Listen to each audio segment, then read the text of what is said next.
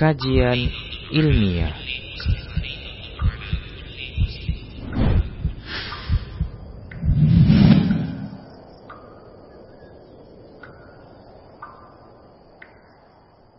Bismillah, Assalamualaikum warahmatullahi wabarakatuh.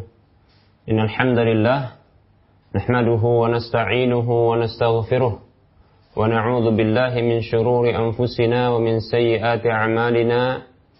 Man yahdihillah fala mudilla lah wa man yudlilhu fala hadiya lah. Wa ashhadu an la ilaha illallah wahdahu la syarika lah. Wa ashhadu anna Muhammadan 'abduhu wa rasuluhu sallallahu alaihi wasallam. قال الله تبارك وتعالى يا أيها الذين آمنوا اتقوا الله حق تقاته ولا تموتن إلا وأنتم مسلمون يا أيها الناس اتقوا ربكم الذي خلقكم من نفس واحدة وخلق منها زوجها وبث منهما رجالا كثيرا ونساء واتقوا الله الذي تساءلون به والأرحام إن الله كان عليكم رقيبا يا أيها الذين آمنوا اتقوا الله وقولوا قولا سديدا. يصلح لكم أعمالكم ويغفر لكم ذنوبكم. ومن يطع الله ورسوله فقد فاز فوزا عظيما. أما بعد فإن أصدق الحديث كتاب الله وخير الهدى هدى رسول الله صلى الله عليه وسلم. شر الأمور محدثاتها وكل محدثة بدعة. wa kulla bid'atin dhalalah wa kulla dhalalatin finnar. Para muslim, para pemirsa Rosa TV dan para pendengar radio Medan Mengaji di mana saja Anda berada, alhamdulillah kita bersyukur kepada Allah Subhanahu wa taala atas semua nikmat yang Allah berikan. Selawat dan salam kita ucapkan untuk Rasulullah sallallahu alaihi wasallam. Kita masuki pembahasan baru dalam fikih muamalah.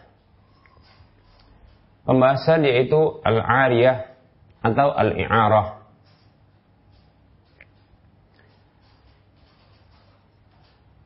Apa maksud dari ariyah? Ariyah makna dari ariyah adalah ibahatu naf'i ainin tabqa ba'da istifaihi summa radduha summa raddiha bila iwadin. Ariyah adalah pemberian izin untuk memanfaatkan barang yang akan masih ada fisiknya setelah ya dipenuhi kemudian dikembalikan tanpa adanya kompensasi yaitu tidak ada e, pembayaran pada ariah ini. Ariah secara e, terminologi ya dalam bahasa kita ini lebih tepat ya diterjemahkan dengan bentuk peminjaman. Baik para muslim rahimani wa rahimakumullah. Ya jadi akad pinjam meminjam. Oleh karenanya ada dua akad yang agak mirip dalam bahasa kita, yaitu akad hutang piutang dengan akad pinjam meminjam. Padahal kedua hal ini adalah dua hal yang berbeda. Ya, berbeda dari sisi definisi, demikian pula berbeda dari uh, konsekuensinya. Oleh karenanya, uh, sebaiknya ya, karena pembahasan berbeda, ya, dan dibedakan oleh para ulama, maka hendaknya kita juga harus membedakan ya istilah ini. Yaitu tidak mencampur adukkan. Yang sangat disayangkan adalah ya kita e, mencampur adukkan istilah ini. Perhatikan para muslim rahimani wa rahimakumullah, terkadang yang kita menggunakan istilah hutang piutang ya atau kita menggunakan sebuah hakikat akad hutang piutang dengan akad ya ariyah pinjam meminjam. Padahal dua hal yang berbeda. Adapun kalau dia al-ariyah adalah pengembalian barang itu fisiknya ya tanpa ada adanya kompensasi sebagaimana juga hutang piutang ya pengembalian ya pengembalian hanya saja bukan barang yang dikembalikan akan tetapi dia adalah uh, nilainya baik para muslim rahimani wa rahimakumullah Apa hikmah dari pensyariatan al-ariyah atau hutang piutang ini? Uh, maaf, pinjam meminjam ini. Uh, seseorang terkadang dia membutuhkan untuk memanfaatkan sebuah barang, namun dia tidak mampu untuk memilikinya. Dan dia tidak memiliki uang untuk bisa membayarnya. Ya, atau membayar uh, sewanya. Nah, terkadang sebagai manusia ya juga tidak mau untuk memberikan secara cuma-cuma, ya, baik itu sedekah ataupun pemberian. Nah, di sini disyariatkan Islam, ya, disyariatkan oleh Islam bagi sebagian manusia, ya, untuk sebagian manusia agar mereka memenuhi kebutuhan orang yang membutuhkan ini, ya, agar bisa diberikan ya pinjaman Demikian para muslim rahimani wa Tentunya dengan iming-iming berupa pahala bagi orang yang meminjamkan. Demikian para muslim rahimani wa Baik para muslim rahimani wa rahimakumullah. nah ini uh, merupakan bentuk ya atau uh, hikmah dari disyariatkannya pinjam meminjam ini. Ya, jadi peminjam meminjam ini adalah ya menyerahkan barang untuk bisa dimanfaatkan. Nanti akan dikembalikan dengan barang yang sama ya fisik yang sama. Demikian.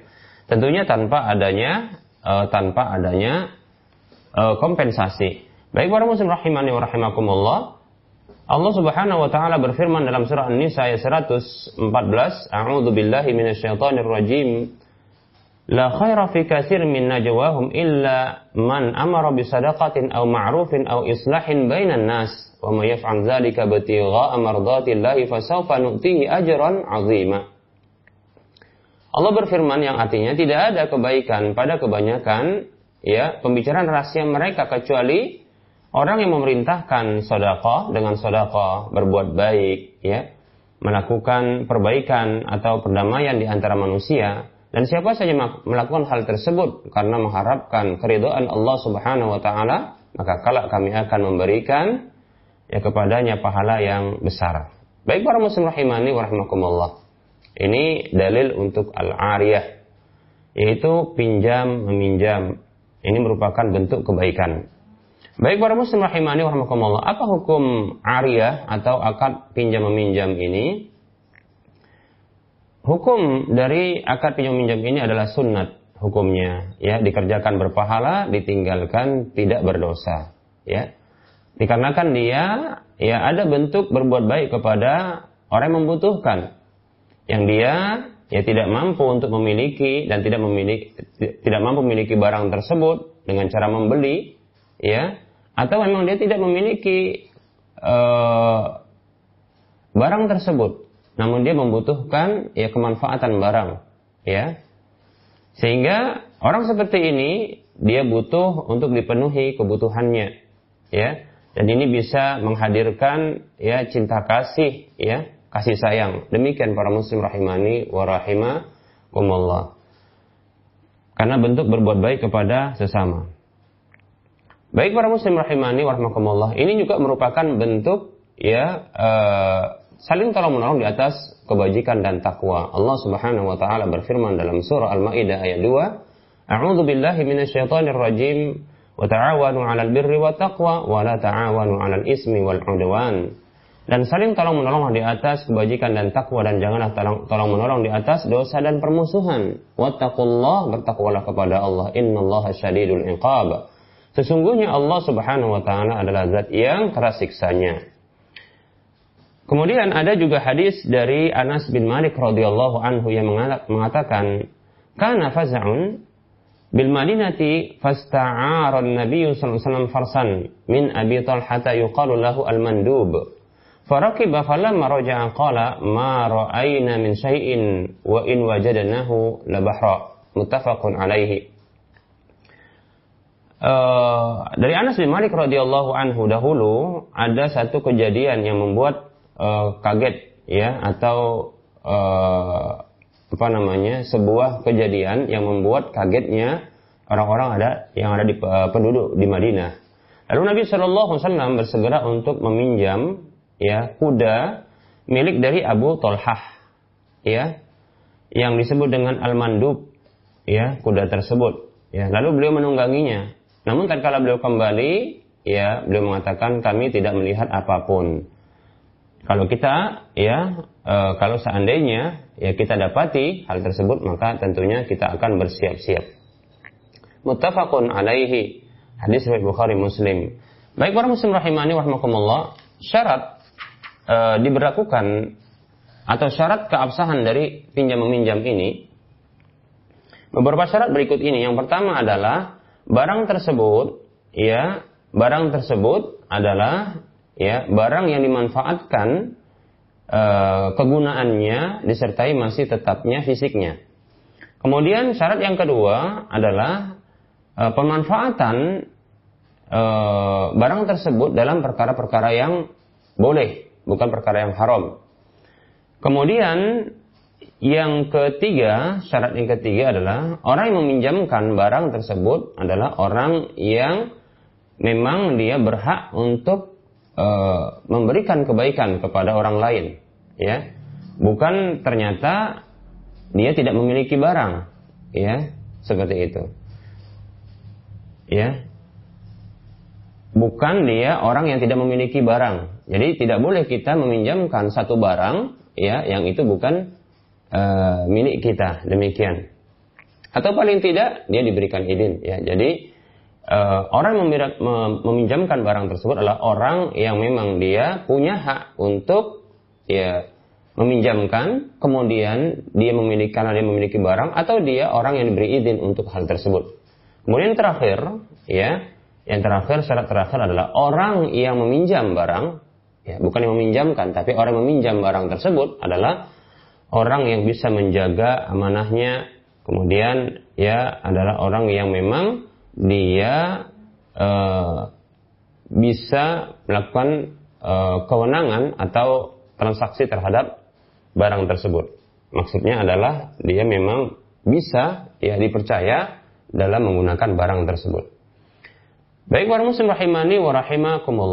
Apa saja yang boleh untuk dipinjamkan Para muslim rahimani rahmatullah, setiap barang yang boleh manfaatnya, boleh dimanfaatkan, ya, maka ini adalah yang boleh untuk dipinjamkan. Seperti contohnya rumah, ya, kendaraan, ya, apakah seperti uh, hewan kuda atau mungkin hewan-hewan yang lain atau kendaraan mungkin seperti sepeda motor atau mobil atau alat-alat yang ini dalam perkara yang mubah dalam penggunaannya maka ini boleh untuk ya dipinjamkan ya e, prinsipnya adalah segala sesuatu yang boleh dijual belikan maka dia boleh untuk dipinjamkan demikian para muslim rahimani rahimakumullah dan sangat dianjurkan meminjamkan barang apa saja yang membantu orang lain untuk melakukan ketaatan kepada Allah Subhanahu wa taala. Ya. Ya. Seperti itu para muslim rahimani.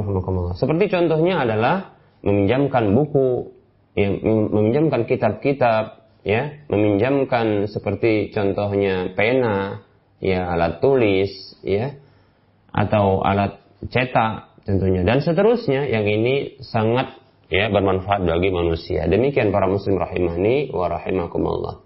Kemudian apa saja yang diharamkan untuk dipinjamkan? Maka para muslim rahimani wa rahimakumullah, apa saja yang uh, digunakan untuk bermaksiat kepada Allah Subhanahu wa taala, maka haram untuk dipinjamkan. Apa saja yang dijadikan sarana untuk bermaksiat kepada Allah Subhanahu wa taala, maka haram untuk dipinjamkan. Seperti contohnya adalah ya alat alat-alat uh, seperti minuman, bejana minuman, ya, seperti cangkir ataupun barangkali e, gelas dan semisalnya, ini untuk meminum khamar atau dihidangkan untuk makanan-makanan yang haram demikian seperti itu. Atau contohnya ya tempat-tempat ya seperti mungkin rumah, ya kos-kosan dan seterusnya untuk hal-hal yang e, dosa yang diharamkan oleh Allah Subhanahu wa taala seperti contohnya tempat judi atau tempat pelacuran ya dan seterusnya. Ya begitu juga contohnya ya e, seperti televisi ya yang dipinjamkan untuk menonton acara-acara yang terlarang contohnya ya seperti menampakkan aurat, mendengarkan musik ya atau yang lainnya. Demikian. Allah Subhanahu wa taala berfirman dalam surah Al-Maidah ayat 2 ini sudah kita sebutkan tadi a'udzu billahi minasyaitonir rajim ta'awanu 'alal birri wat taqwa wa la ta'awanu 'alal ismi wal 'udwan wattaqullaha innallaha syadidul 'iqab Allah berfirman yang artinya dan tolong menolong kalian di atas kebajikan dan takwa dan janganlah kalian tolong menolong di atas dosa dan permusuhan bertakwalah kepada Allah Sesungguhnya Allah maha keras siksanya. Demikian. Baik, para muslim rahimani wa rahimakumullah. Wajib bagi orang yang meminjam untuk menjaga barang pinjamannya. Kemudian mengembalikannya dalam kondisi aman, utuh kepada pemiliknya. Demikian. Dan tidak boleh bagi orang meminjam ini untuk meminjamkan barang itu kepada orang lain kecuali dengan izin sang pemiliknya. Demikian, ya. Ini tidak boleh. Ada sebagian orang demikian. Ya, ini sudah saya pinjam. Ya, ini saya pinjam. Gak apa-apa silakan dipakai. Padahal, ya, uh, ini sangat berbahaya. Bisa jadi belum tentu aman di tangan orang lain. Ya, maka dia akan menanggung bila dia meminjamkan barang itu kepada orang lain seperti itu. Karena dia belum mendapatkan izin dari orang yang e, memberi pinjaman kepada dirinya atau belum mendapatkan izin dari pemiliknya. Demikian para muslim rahimani wa rahimakumullah.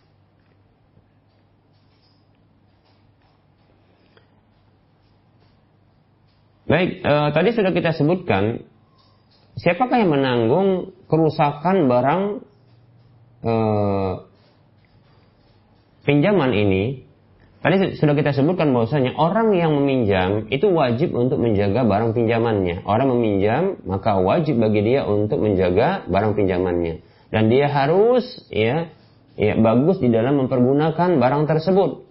Menjaganya dan mengembalikannya dalam kondisi utuh, tidak mengalami kerusakan sedikit pun kepada pemiliknya. Seperti itu. Ya.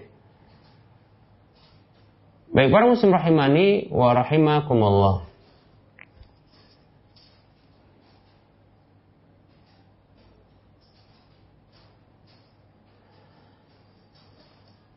Baik para muslim rahimani warahmatullah. Nah di sini ya barang pinjaman secara mutlak ya itu dijamin ya e, barang pinjaman secara mutlak itu ditanggung kerusakannya ya bila ya mengalami kerusakan di tangan orang yang meminjam. Jadi menanggung ini adalah orang yang meminjam. Demikian. Baik itu karena kecerobohan ataupun bukan karena kecerobohan. Ya. Karena ya di tangannya lah ya di tangan dia lewat tangan dia lah dia mengambil barang tersebut. Sampai dia mengembalikannya. Kecuali kalau orang yang memberi pinjaman tersebut mengalah lantas ya dia menggugurkan tanggung jawab tersebut ya. Dan itu dikembalikan kepada dirinya. Demikian para muslim rahimani wa rahimakumullah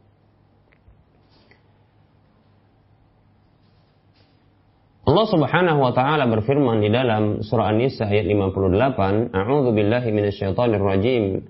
Inna Allah ya'murukum an tu'addul amanati ila ahliha wa idza hakamtum bainan nasi an tahkumu bil 'adl.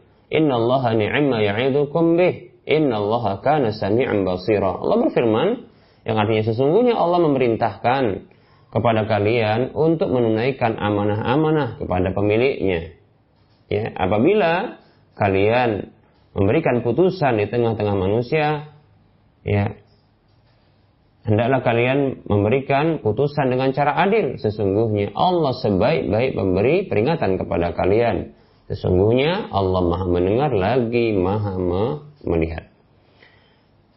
Para muslim rahimani wa rahimakumullah, kemudian ya ada dalil hadis yang dikeluarkan oleh Imam Abu Daud dalam uh, sunannya dan disahkan oleh Syekh Al-Albani rahimahullah taala dengan nomor urut hadis ya dalam Sunan Abi Daud 3566.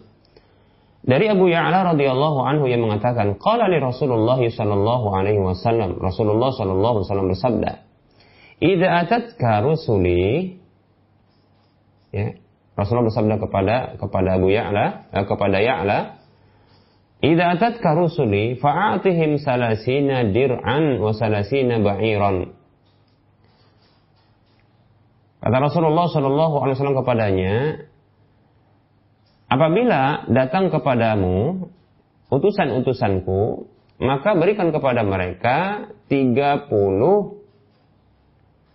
baju perang yang terbuat dari besi, ya, dan 30 unta. Itu kendaraan perang, ya.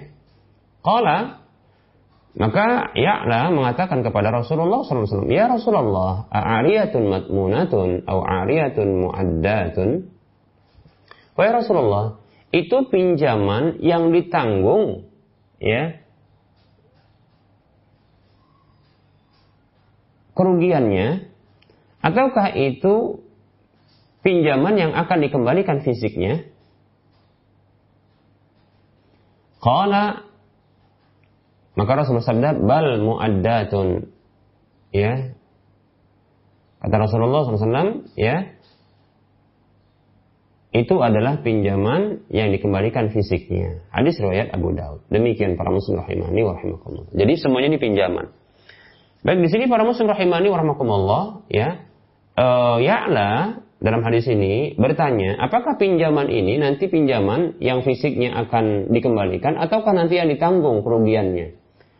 Nah ini menunjukkan bahwasanya memang hukum asal dari pinjaman itu kerugiannya ditanggung atau kerusakannya ditanggung oleh orang yang meminjam. Demikian para muslim rahimani wa rahimakumullah.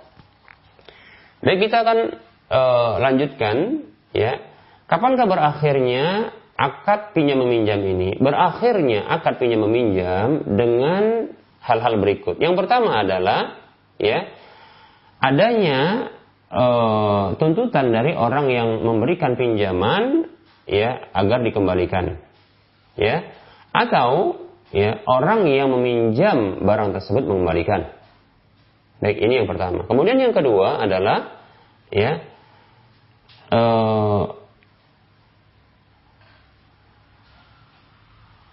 wafatnya salah satu dari ya, orang yang e, melakukan akad pinjam meminjam ini, ya demikian.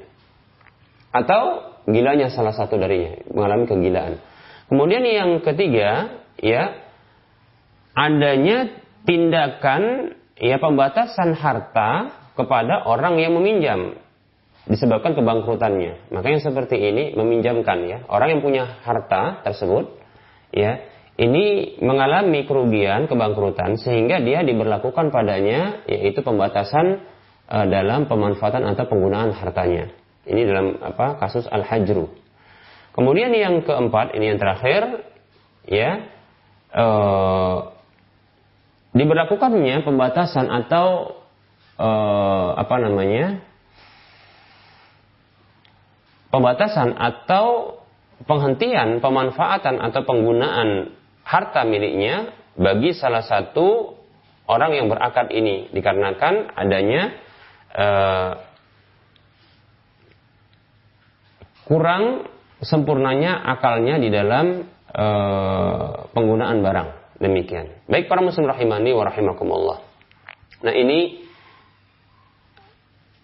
pembahasan kita terkait dengan hutang uh, pinjam meminjam ya pinjam meminjam. Baik para muslim rahimani rahimakumullah.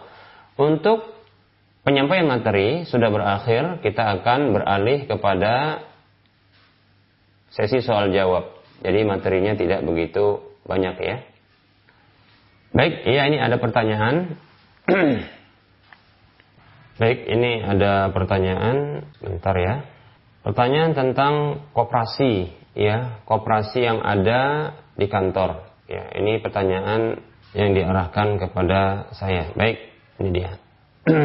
Pertanyaan seperti ini. Assalamualaikum warahmatullahi wabarakatuh. Saya seorang pekerja di sebuah rumah sakit swasta. Di sana ada ditawarkan untuk bergabung dengan koperasi syariah yang ada di rumah sakit tersebut. Setiap bulannya gaji dipotong 100 ribu untuk tabungan.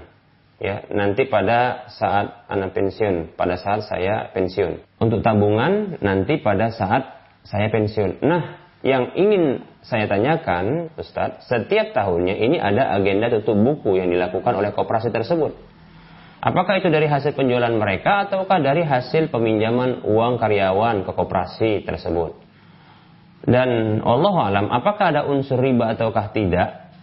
Ya, saat agenda tutup buku tersebut nanti setiap karyawan yang bergabung di koperasi syariah itu ya akan dibagikan hasil keuntungannya. Apakah uang itu halal ataukah termasuk dalam riba? Dan bagaimana hukumnya jika kita diberi voucher lebaran dari koperasi itu? Apa boleh digunakan? Ya. Jujur saya takut untuk masuk ke dalam riba. Mohon jawabannya. Jazakallahu khairan. Wa iya, jazallah. Baik ini ada pertanyaan yang diarahkan kepada saya ya atau dilimpahkan kepada saya pertanyaan ini. Baik ya, kita akan jawab.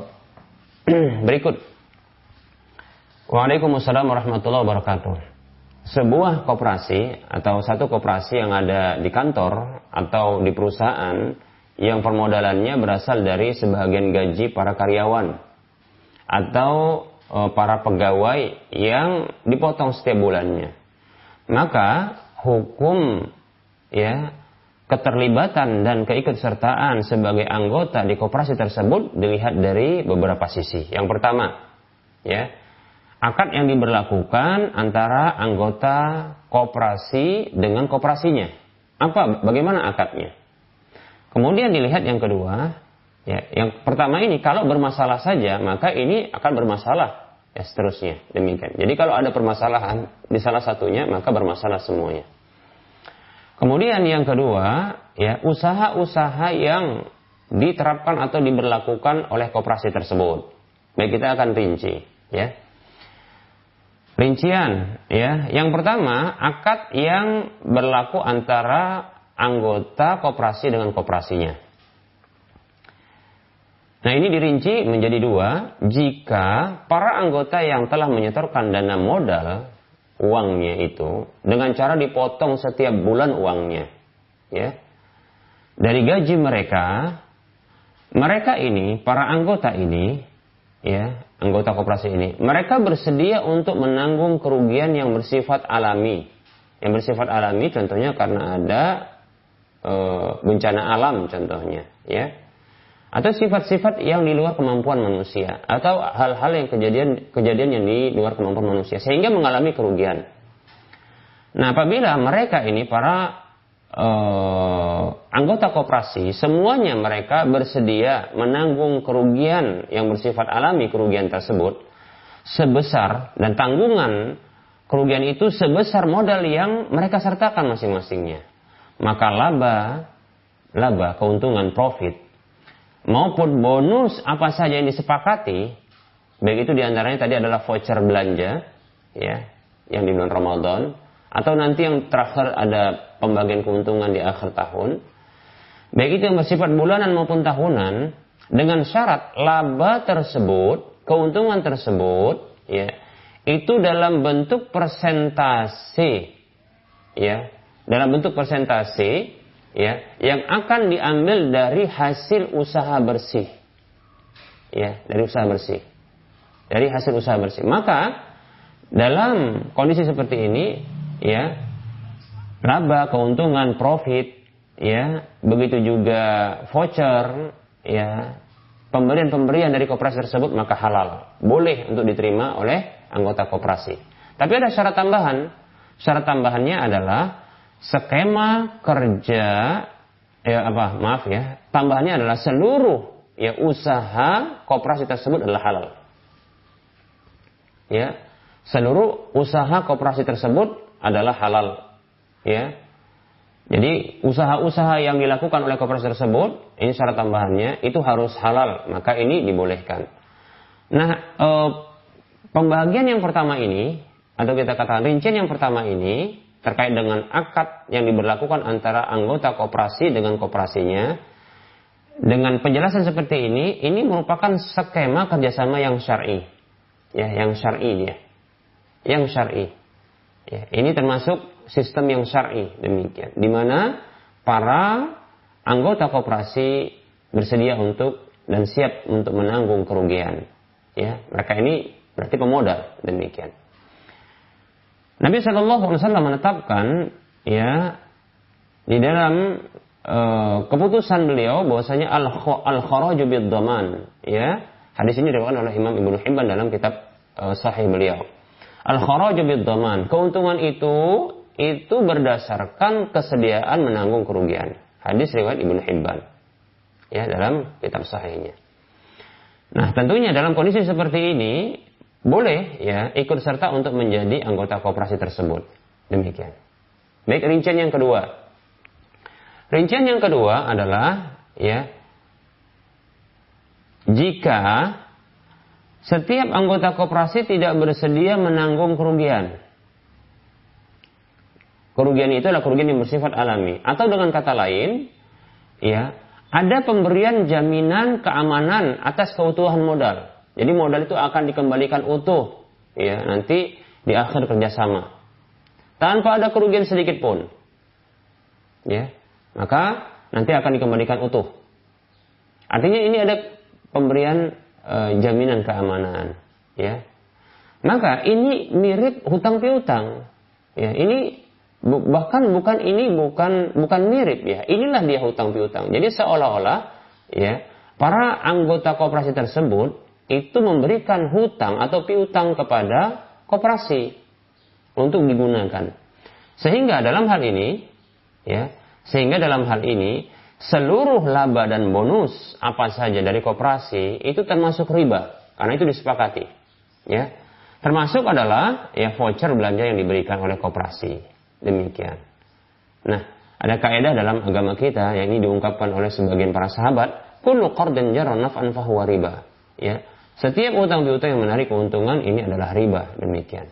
Ini kaidah yang disepakati oleh seluruh para ulama dengan status ijma demikian. Begitu juga Nabi Shallallahu Alaihi Wasallam pernah melarang, ya, pernah melarang uh, di Mekah untuk pengambilan modal, ya pengambilan modal, maaf pengambilan keuntungan usaha yang tidak ada kesiapan untuk menanggung kerugian orang yang memberikan modalnya. Demikian. Dalam sebuah hadis dari Abdullah bin Amr radhiyallahu anhu disebutkan dalam hadis itu haramun shifu malam yutman. Haram keuntungan apa saja yang tidak ditanggung kerugiannya. Demikian para muslim rahimani wa rahimakumullah. Nah, dalam kondisi seperti ini, maka tidak boleh bergabung ke dalam koperasi yang memperlakukan akad seperti ini. Demikian para muslim rahimani rahimakumullah. Permasalahannya adalah, lalu bagaimana bila keikutsertaan menjadi anggota di koperasi tersebut tidak bisa dihindari? Contohnya bagaimana? Contohnya adalah eh, ada ketetapan kebijakan dari perusahaan atau kantor, ya, yang dengan cara secara otomatis ya dipotong dari gaji tanpa diminta persetujuan oleh e, dari pegawai tersebut. Maka ditetapkan bahwasanya tetap tidak boleh untuk mengambil apa pun dari koperasi tersebut kecuali hanya sejumlah uang atau barang senilai besaran akumulasi dari setoran awal sampai akhir setoran. Jadi haknya hanya itu saja, yaitu apa? E, nilai nominal uh, total dari akumulasi uang setoran karena itu memang haknya demikian. Baik, para muslim rahimani warahmatullah, kita akan masuki berikutnya pembahasan tentang usaha yang diberlakukan oleh koperasi tersebut. Ini juga harus kita tinjau. Ini tinjauan yang berikutnya setelah kita melihat akad ya, akad yang diberlakukan ya e, antara anggota koperasi dengan koperasi. Berikutnya adalah usaha ya tinjauan usaha yang diberlakukan oleh koperasi tersebut. Pada umumnya, usaha yang berlaku di koperasi adalah usaha simpan pinjam, di mana para anggota menyimpan uang dengan cara dipotong, ya, pada umumnya. Sekaligus boleh bagi mereka untuk meminjam. Lebih tepat adalah ber, berhutang ungkapannya ya. Berhutang uang di koperasi, bukan pinjam lebih tepat ya. Karena berbeda antara pinjaman dengan hutang piutang. Demikian ya. Baik para muslim rahimani warahmatullah pegawai atau karyawan ya baik yang bukan anggota koperasi maupun anggota koperasi bila berhutang lalu dikenakan tambahan uang saat pengembalian maka ini termasuk riba disebut dengan riba al-qard riba hutang piutang dan ini sudah kita sebutkan tadi kaidahnya dan ini adalah ungkapan sebagian para sahabat yang ini menjadi ijma ya ijma itu kesepakatan yang tidak ada perbedaan sedikit pun yaitu kullu qardin jarra nafan fahuwa riba. Setiap hutang piutang yang menarik keuntungan maka itu adalah riba. Demikian. Kecuali bila nominal, nilai nominal uang yang dihutangi oleh koperasi tersebut kepada anggotanya itu senilai jumlah kumulatif dari setoran bulanan atau lebih kecil darinya. Maka tidak terhitung riba. Mengapa? Ya. Karena dia seperti ya pinjam uang sendiri ya seperti dia pinjam uang sendiri demikian namun kewajiban membayar tambahan itu bisa terhitung kedoliman jika pegawai itu tidak rela ya anggota itu tidak rela contohnya seperti ini jika ada seorang pegawai memiliki total akumulasi uang yang ada di koperasi tersebut senilai 5 juta. Lalu ia berhutang senilai 5 juta atau kurang dari 5 juta. Maka seolah-olah dia itu hanya memakai uangnya sendiri ya maka tambahan tersebut tidak terhitung riba karena sesungguhnya bukan terhitung akar hutang piutang. Namun bisa dikategorikan kedoliman jika pegawai tersebut tidak rela dengan adanya kewajiban membayar tambahan. Nah, sehingga kalau seperti ini kan sulit untuk mengidentifikasi apakah ini bentuk hutang piutang ya dengan nilai yang sama atau kurang dari itu ya. Eh, bahkan bisa jadi lebih tinggi bisa jadi contohnya kalau 5 juta tadi yang ada di tangan uh, yang ada di apa di koperasi sementara ya dia mau pinjam contohnya 10 juta. Nah, tentunya ini ya akan kembali juga lebih. Nah, di sinilah jatuh kepada riba demikian karena akan dikembalikan. Karena ini bentuk hutang sesungguhnya. Nah, kalau demikian diketahui koperasi memperlakukan usaha simpan pinjam yang mengandung riba, maka tidak boleh ya untuk melibatkan diri untuk menjadi anggota di koperasi tersebut. Demikian para muslim rahimani warahmatullah. Barangkali kita cukupkan dulu apa yang bisa kita sampaikan ini. Mudah-mudahan bermanfaat. Wassalamualaikum Muhammad wa ala alihi wa ashabihi ajma'in. Subhanakallahumma bihamdika. Asyhadu an la ilaha illa anta astaghfiruka wa atubu ilaik. Alhamdulillahirabbil. Assalamualaikum warahmatullahi wabarakatuh.